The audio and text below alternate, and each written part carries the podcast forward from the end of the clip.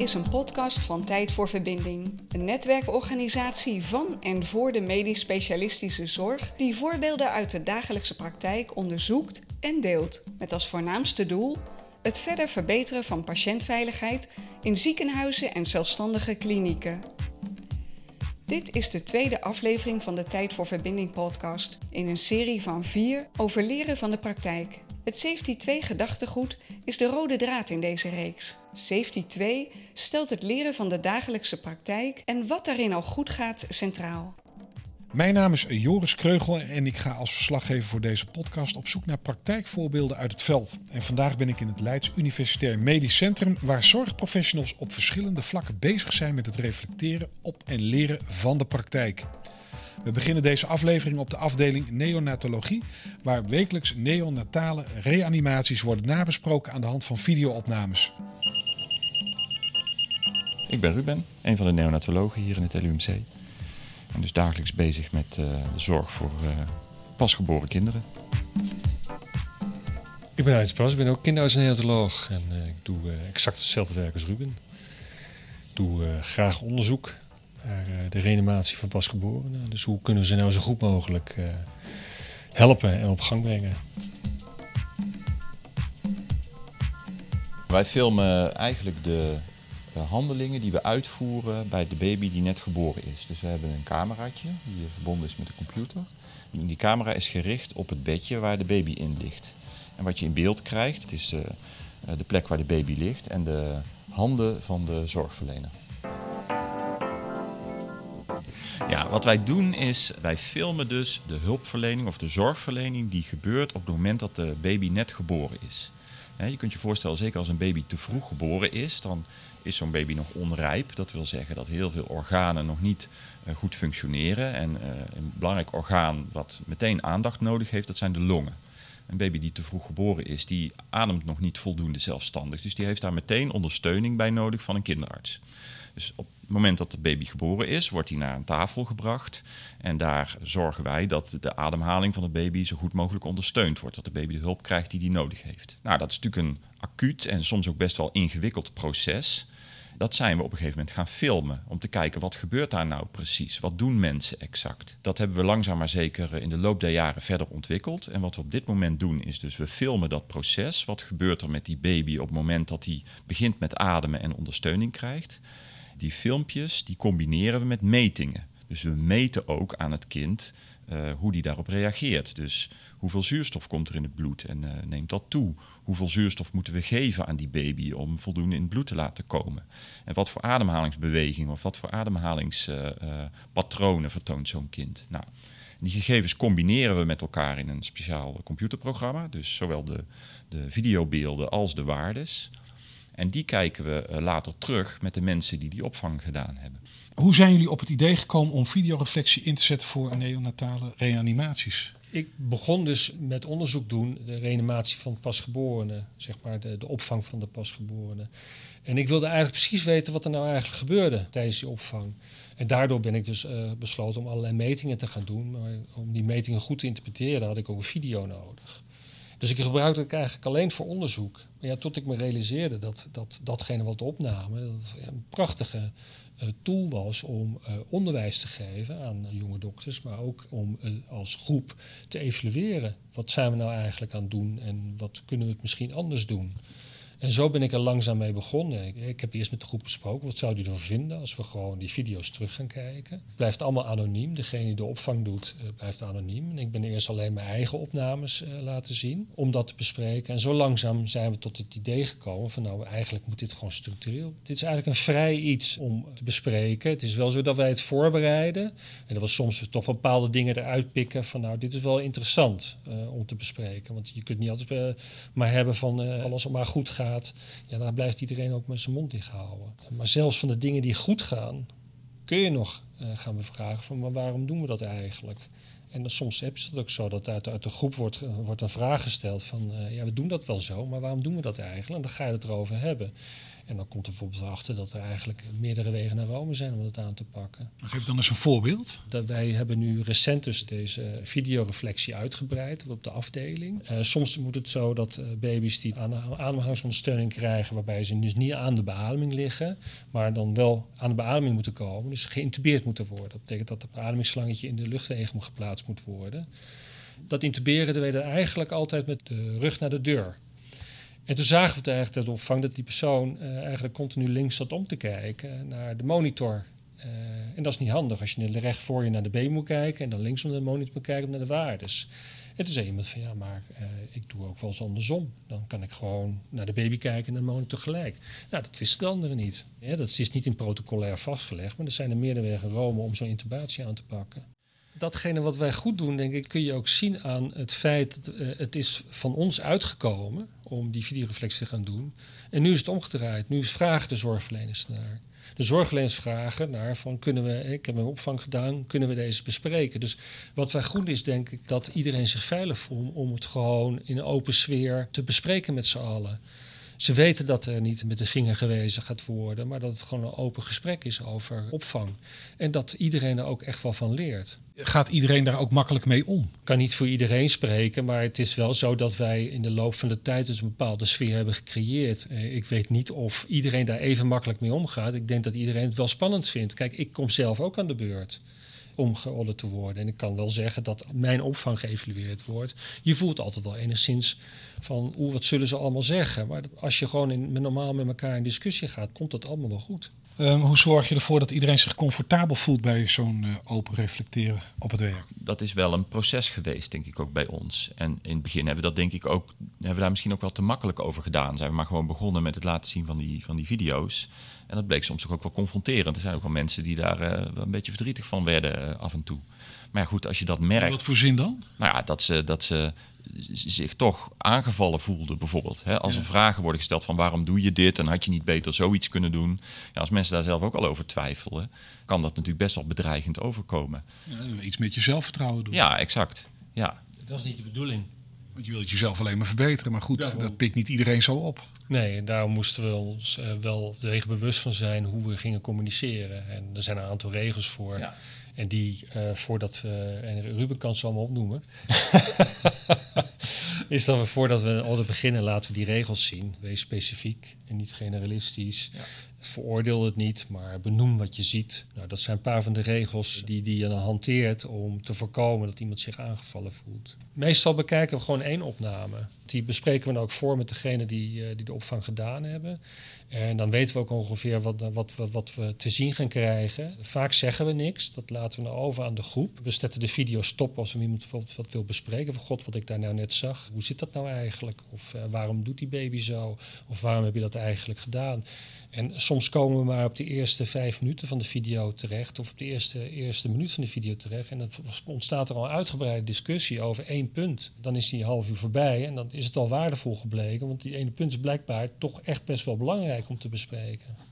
En soms heb je het zo dat je de eerste tien minuten de video doorkijkt en een paar kleine puntjes besproken worden. Wat heeft videoreflectie gebracht? Ik denk allerlei verschillende dingen.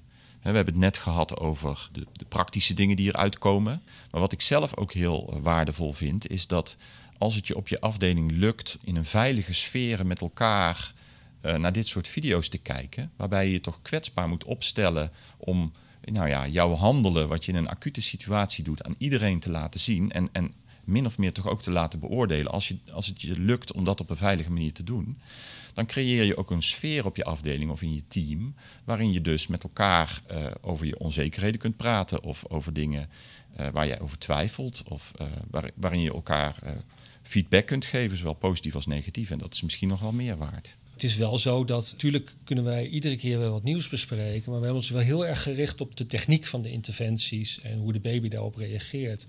En het grappige is dat nu de groep zelf komt. Van, ja, we zijn nogal wat toe aan bijvoorbeeld hoe de communicatie tussen de personen die erbij staan, hoe de leiderschap gaat en hoe de samenwerking gaat. Daar zouden we wat meer van willen zien. Maar ja, dat vergt natuurlijk een andere manier van filmen. En daar gaan we ons nu mee bezighouden. Dus um, dit kun je uitbreiden. Het is een krachtige tool.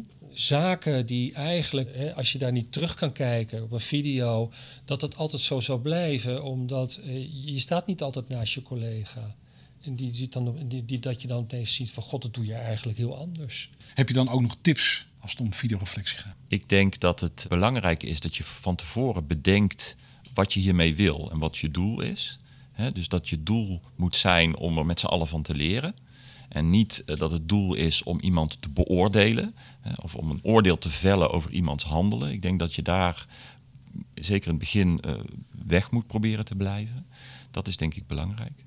Dat je je kwetsbaar kunt opstellen. Eerst zorg dat het management erachter staat van de afdeling. Ga daarmee in gesprek en ga dan met het team in gesprek. Leg uit wat nou eigenlijk de bedoeling is. Leg uit dat het niet gaat omdat je je op fout willen wijzen, maar ga, uh, leg uit dat je je met z'n allen ervan willen leren. En dat je er allemaal met z'n allen beter uitkomt als team.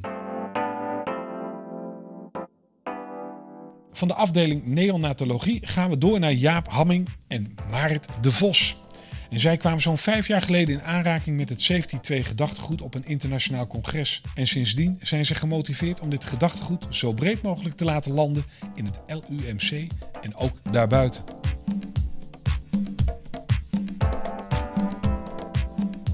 Mijn naam is Marit de Vos. Ik ben artsassistent eh, in het LUMC bij de gynaecologie en de verloskunde. En daarnaast doe ik eh, nu postdoc-onderzoek uh, bij, de, bij het directoraat kwaliteit en patiëntveiligheid op het gebied van Safety 2. En dat is weer voortgekomen uit mijn promotieonderzoek in het LUMC, dat wat breder over patiëntveiligheid ging. Mijn naam is Jaap Hamming. Ik ben chirurg in het LUMC. En mijn rol is uh, wat dit betreft een trekker in uh, patiëntveiligheid en kwaliteit. En uh, hoe zijn jullie in aanraking gekomen met het Safety 2 gedachtegoed? Dat is eigenlijk gekomen vanuit een project vanuit de KNMG, wat ging over de modernisering van de medische vervolgopleiding, dus opleiding tot medisch specialist. En daar is een project ingestart dat ging over patiëntveiligheid. En vanuit die hoek zijn we gaan zoeken naar wat gebeurt er dan allemaal precies en hoe zou je assistent in opleiding moeten scholen op dat gebied. En zodoende kwamen wij in aanraking met allerlei andere visionaire methodes van kijken naar patiëntveiligheid en naar kwaliteit dan zeg maar de klassieke manier van kijken naar veiligheid. Tijdens mijn promotieonderzoek zijn Jaap Hamming en ik in contact gekomen met, Erik Holnagel, de founding father soort van, van Safety 2 en zijn uh, boeken. Uh, vervolgens zijn we ook naar zijn congressen gegaan. Hebben we uh, contacten gelegd met andere Deense onderzoekers. En kwamen eigenlijk steeds meer onder invloed van deze theorie. En ontdekten we dat wat we tot nu toe aan het doen zijn, ook met mijn promotie op dat moment, eigenlijk maar een hele beperkte focus had, namelijk alleen maar de slechte uitkomsten. Dus uh, eigenlijk tijdens mijn eigen promotieonderzoek kwamen we op dit spoor. En merkten we wel van hier zit wel veel potentie en hier willen we wat mee. En wat sprak je het meest aan? Nou, natuurlijk sowieso de positieve insteek. Dus dat er uh, eigenlijk direct erkenning en aandacht is voor het feit dat, ondanks alle uitdagingen, uh, we het met elkaar elke keer maar toch fixen dat het 90% van de gevallen goed gaat. En dat dat nou eigenlijk het wonder is, dat, dat, dat het zo vaak goed gaat. Dat vonden we natuurlijk meteen al heel erg uh, herkenbaar ook met ons eigen werk in de zorgpraktijk. Dat uh, dat, dat nog wel een soort uh, ja, ondergesneeuwd. Want ja, zelf voel je je heel rot als er één calamiteit of een complicatie optreedt. Maar er is dan vervolgens vanuit het ziekenhuis en de kwaliteitsafdeling... is er daar juist heel veel aandacht voor. terwijl op al die andere dagen dat het goed gaat, komt er nooit iemand langs. Want hoe was de zoektocht voor jullie om de theorie te vertalen naar de praktijk? Ja, dat is een hele ingewikkelde, omdat er veel theorie is, maar niet zoveel praktijk is op dit gebied. Uh, dus wat je dan doet, is je gaat kijken naar die principes van die safety 2 en kijk je van oké, als we dat nou zelf zouden implementeren, en dat betekent dus dat je niet alleen maar praat over de dingen die niet goed gaan, maar ook over andere dingen wil praten met elkaar. Hoe richt je dat dan in? Nou, daar zijn we wel even mee zoet geweest voordat we daar een goede methode in hadden gevonden. En wij zijn gewoon eigenlijk gaan puzzelen. We waren op dat moment bezig met complicatiebesprekingen onderzoeken in Amerika en in Leiden. En de complicatiebespreking is iets wat we al honderden jaren deden. En toen bedachten we, kunnen we dat niet laten inspireren door Safety 2 en het omvormen tot een bredere bespreking waar niet alleen de ongewenste uitkomsten worden besproken, maar juist wordt gereflecteerd op de hele breedte van uitkomsten, waarbij je soms ook misschien beter dan verwachte uitkomsten hebt. Of gewoon zoals gepland, het is goed verlopen. En toen we dat gingen doen, merkten we ook van dat je dan dus andere gesprekken met elkaar hebt. Eh, en ook veel meer kunt bekrachtigen van de dingen die goed gaan. En dat we dat moeten blijven doen. Nou, wat we concreet hebben gedaan is dat we eigenlijk de ouderwetse complicatiebespreking omgezet hebben naar wat wij dan noemen een kwaliteitsbespreking. Waarin we eigenlijk in plaats van alleen maar de patiënten waar iets mis mee is gegaan bespreken. En daarvan proberen te leren dat we naar alle patiënten die we behandeld hebben kijken. Uh, en terugkijken, als het ware, reflecteren op die zorg en zeggen van hoe vinden we dat dat gegaan is, wat is daar goed in gegaan, wat hadden we eigenlijk anders willen doen. Een concreet voorbeeld? Nou, je kan bijvoorbeeld een patiënt hebben die een hele gecompliceerde operatie heeft gehad, waarvan je verwacht had van nou dat zou best wel eens problemen kunnen geven, maar die eigenlijk heel goed gegaan is. Dat kan je dan niet in je complicatieregistratie terugvinden, want er zijn geen complicaties geweest. Maar je hebt natuurlijk wel heel veel geleerd van hoe hebben we het nou eigenlijk voor elkaar kunnen krijgen dat deze patiënt, waarvan we heel veel problemen hadden verwacht bij een behandeling, dat dat uh, in één keer wel goed is gelopen. En dus je besteedt niet alleen maar aandacht aan de patiënten waar iets fout mee is gegaan, maar echt kijkt ook naar patiënten die iets van te leren is zonder dat er per definitie iets uh, fout is gegaan. Dat levert het op, maar wat levert het nog meer op? Nou, wat het nog meer oplevert is natuurlijk voor de professionals is dat je niet alleen maar, zeg maar in een soort van sombere stemming komt, omdat je alleen maar over de dingen praat die niet goed zijn gegaan. Maar dat je ook met elkaar ziet dat de aanpak die je hebt gekozen, dat die uh, goed effect heeft gehad en goede resultaten heeft gehad. Dus dat geeft ook een hele positieve energie. Het is goed voor het moraal van het team om dat dan zo ook uh, met elkaar te bespreken. Want hoe maak je je tijd voor in de dagelijkse praktijk? Ja, dat is een enorme uitdaging. Aanvankelijk, toen we daarmee begonnen, kostte het ons heel veel tijd. Waren we daar hadden we daar een blok van anderhalf uur voor nodig in de week. Nu doen we dat in, kunnen we dat in een half uur in de week doen, omdat we een aantal zeg maar, meer administratieve kanten van het evalueren van de zorg, dat we die al hebben voorbereid of op een andere manier hebben ingericht. Zodat we echt dat half uur echt alleen maar praten over de patiënten die werkelijk uh, van belang zijn. Soms loopt het iets uit, als het een hele interessante patiënt is geweest. Dan heb je natuurlijk iets meer tijd nodig. Dus we, we nemen er altijd wel een uur voor, maar vaak zijn we al in een half uur klaar. En dan motiveren natuurlijk, hè? En dan motiveren wat? Nou, de collega's natuurlijk gemotiveerd houden. Ja, dat is, dat is ook een uitdaging natuurlijk. Hè? Want het is natuurlijk heel makkelijk om. Wat, wat professionals, medische professionals vaak doen. Die vinden dat er gewoon broodjes gebakken moeten worden. Hè? Dus er moet gewoon gewerkt worden, moeten patiënten behandelen, patiënten op de poli zien opereren.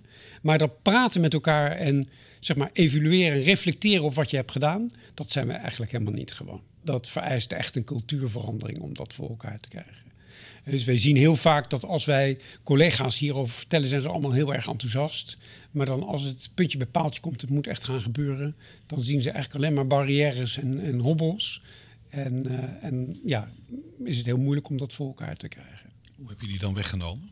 Ja, bij ons was het wegnemen makkelijk omdat wij eigenlijk allemaal gemotiveerd waren om dit zo te doen. Uh, uh, maar nog steeds is het wel zo dat sommigen zeggen van ja, uh, jongens, we moeten even door, want dit en dat. Dus je moet echt mensen continu bij de les houden, jongens. Het is heel erg belangrijk voor onze werkwijze en om elkaar daarop aangesloten te krijgen. Dus dat blijft echt aandacht. Maar ik denk echt dat, dat we in, in bredere zin als professionele organisatie daar met elkaar over moeten hebben dat dit gewoon eigenlijk zo normaal moet zijn in de dagelijkse praktijk. Om met elkaar die evaluatie van de zorg te doen. Dat we dat gewoon in ons systeem gaan krijgen. Je loopt al een hele lange tijd mee. Heb je niet soms wel zo'n momenten van denk je, hadden we dit maar eerder bedacht? Ja, zeker. Dit hadden we ook eerder moeten bedenken. Ja, hoe komt dat dan? weet het eigenlijk niet. Dat vind ik heel moeilijk om daar, om daar iets op te zeggen. Ik denk dat het gewoon niet in ons systeem zit om zo te werken. In ons systeem zit. Het is echt continu spanning bij ons op het werk. Dat is eigenlijk altijd te veel werk voor te weinig mensen. Altijd in de zorg. Dus het is altijd een soort van renje-rot-achtige praktijk. Ja, dit is dan zo'n iets van: hé hey jongens, even achterover zitten. Waar zijn we nou eigenlijk helemaal mee bezig met elkaar? Ja, dat, is, dat, zijn, dat zit niet in onze cultuur, in ons systeem. Te veel in de tunnel misschien wel. Te veel maar doorwerken, doorwerken, doorwerken. En niet even zeggen: jongens, is het eigenlijk wel goed wat we aan het doen zijn hier? Even doe ze maar.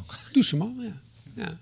Hoe kom je eh, met elkaar tot passende verbeteracties? Ja, dat gaat eigenlijk vrij makkelijk en snel. Omdat je dus die kortcyclische, hè, dus wekelijks met elkaar om de tafel zit, kan je ook wekelijks die verbeteringen met elkaar bespreken en doorvoeren. Dus we gaan niet eindeloze vergaderingen en werkplannen maken. Maar als we iets merken dat we iets op een andere manier zouden kunnen doen, gaan we daar eigenlijk meteen mee aan de slag. En dan pra we praten we bespreken dan ook de volgende, de volgende bespreking. Hoe ver zijn we daarmee? Lukt dat? Of wat dan ook. Dus dat gaat eigenlijk direct. Dat is het grote voordeel van zo heel frequent met elkaar praten. Hoe ervaar je in het algemeen eh, om op deze manier met leren en verbeteren bezig te zijn? Nou, heel positief. Uh, want het geeft dus een enorme positieve energie in het team, in de groep. Uh, maar je moet wel iedere keer aandacht blijven houden dat je dat vaste moment wat je hebt ingericht, dat je daar ook aan houdt. En dat je dat niet laat vervloeien omdat andere dingen zogenaamd even op dat moment belangrijker zijn. En dus wij opereren ook, we hebben ook geen operatieprogramma op dat moment. Wij zorgen dat we gewoon echt alleen maar hiervoor op dat moment beschikbaar zijn. Wat is hiervan de kracht? Ja, de kracht is de verbinding in het team. En de verbinding ook nog met de verpleegkundigen. Dus niet alleen maar het chirurgische team, maar ook de verpleegkundigen, want die zijn er ook bij aangesloten. En dat betekent dus ook dat iedereen continu eigenlijk van elkaar op de hoogte is hoe we het doen en wat we doen. Er zijn ook bij eigenlijk geen werkbespreking meer nodig, want we regelen alles meteen vanuit die situatie. Wat zijn de grootste verrassingen dan? Nou, de grootste verrassing is inderdaad dat je eigenlijk dat je administratieve component heel erg uh, teruggebracht hebt. Omdat je zoveel vaak contact hebt. En wat er dus dan ook gebeurt, is dat ook buiten die bespreking om ga je elkaar ook opzoeken. Omdat je zegt van, nou, wacht even, ik heb even dit bedacht. Wat vind jij daarvan? Moeten we daar niet iets mee? Dus je gaat veel dichter bij elkaar staan. Efficiënter. Efficiënter, ja. Minder administratie. Wat kunnen collega's zorgprofessionals uh, hiervan leren? Ja, het belangrijkste is inderdaad dat je met elkaar om de tafel gaat zitten van wat willen wij nou eigenlijk bereiken met elkaar? En hoe kunnen we dat doen en zo inbouwen in de dagelijkse praktijk dat het aan de ene kant wel efficiënt is, maar aan de andere kant ook echt even een moment is, zeg maar een soort van moment van bezinning, moment van reflectie. Wat hebben we gedaan? Wat gaan we doen? En hoe zorgen we dat we elkaar goed aangesloten houden? Hoe zorgen we dat ook andere professionals die met ons meewerken, hoe zorgen we ervoor dat die met die filosofie met ons uh, meewerken? Maar de belangrijkste tip is: neem er tijd voor. Maak echt een vast moment in de week dat je met elkaar hierover praat. En uh, laat je niet verleiden door te zeggen: ja, moeilijk, moeilijk, moeilijk, want uh, er is geen tijd voor. Ja, er is altijd tijd voor, alleen je moet er tijd voor willen maken.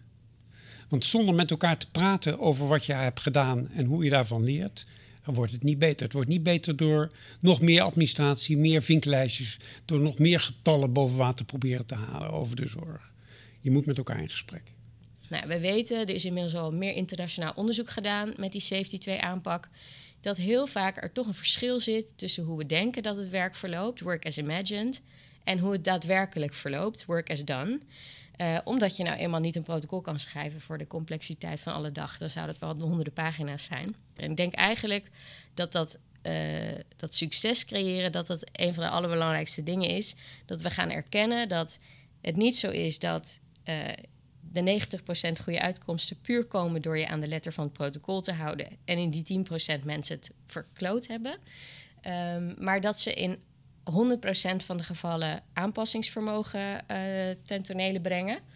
Uh, en dat dat ook juist de kracht is uh, op de dagen dat het goed gaat. Wat zijn voor jou de meest opvallende bevindingen tot nu toe?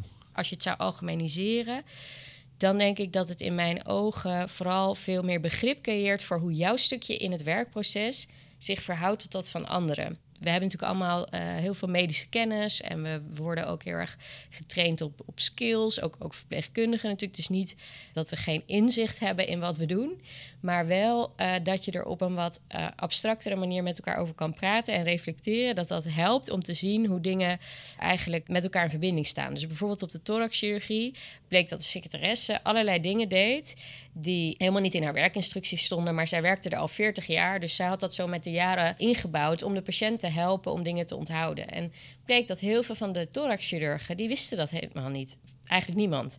Uh, en zij zou met pensioen gaan en zij vond het een beetje onnodig om haar oude vrouwenmethode aan de jonge opvolgster over te brengen. Nou ja, dat soort dingen kwamen aan het licht ja, dat, dat is mooi om te zien van hoe iedereen zijn stukje zeg maar, bijdraagt aan patiëntveiligheid. En dat was ook in mijn proefschrift destijds een stelling. Je zult de ingrediënten voor een goed huwelijk niet kunnen vinden als je alleen gescheiden echtparen gaat interviewen. Je moet juist ook bekijken op de dagen dat er ogenschijnlijk niks misgaat. Daar zijn zeker uitdagingen, werkdruk, miscommunicatie, vermoeidheid. Mensen die eigenlijk um, personeelstekort of middelen tekort hebben. Op die dagen met een goede afloop, ondanks die uitdagingen, wat hebben de mensen al met elkaar gedaan en hoe kunnen we dat vaker doen of versterken in de toekomst. Waarop uh, zou je dit nog meer willen toepassen? Ja, ik zou vooral meer willen kijken naar hoe bepaalde processen die al in het ziekenhuis aanwezig zijn, hoe die met Safety 2 kunnen worden verrijkt. Want ik ben er een beetje bang voor dat uh, Safety 2 nu een keerzijde van het succes, hè, er komt een podcast, een landelijk programma, uh, mensen hebben het gevoel van, oh, er is een beetje een hype uh, aan het ontstaan. Uh, dat het wordt gezien als, ja, dat moeten we er dan nu toch ook maar eens gaan doen. En dan krijg je vraagstukken als, hebben we daar wel geld voor, wel tijd voor? Zijn we wel klaar met al die vorige hypes, zoals Lean? En dat is denk ik heel jammer, want het heeft heel veel potentie. en ik denk dat er eigenlijk al heel veel dingen ontstaan, zoals het voorbeeld van de videoreflectie van de neonatologie. Dat er heel veel dingen zijn die niet safety 2 worden genoemd of gelabeld, maar het wel die die gedachten in zich hebben. Tot slot en kort, wat maakt deze aanpak van het nieuwe veiligheidsdenken in het LUMC zo bijzonder? Ja, ik denk dat het heel bijzonder is dat we deze ruimte krijgen. Um, we krijgen de ruimte om uh, te experimenteren met een nieuw gedachtegoed. Uh, waar wij zelf uh, ook nog niet. Ja, het is niet een, een handboek wat je letterlijk uh, aan de hand neemt. Dus we zijn eigenlijk samen aan het pionieren, zo noemen we het ook vaak. Het mooie in het LUMC is dat, ondanks dat het zo'n grote organisatie is, dat we wel proberen iedereen die enigszins hiermee aan de slag is, met elkaar in contact te brengen, zodat we van elkaar weer kunnen leren over die ontdekkingsreis. Ik ben Marion Verduin, ik ben adviseur kwaliteit en organisatieontwikkeling in het LUMC en programmamanager van ons strategisch programma Safety 2 Pionieren in de Praktijk.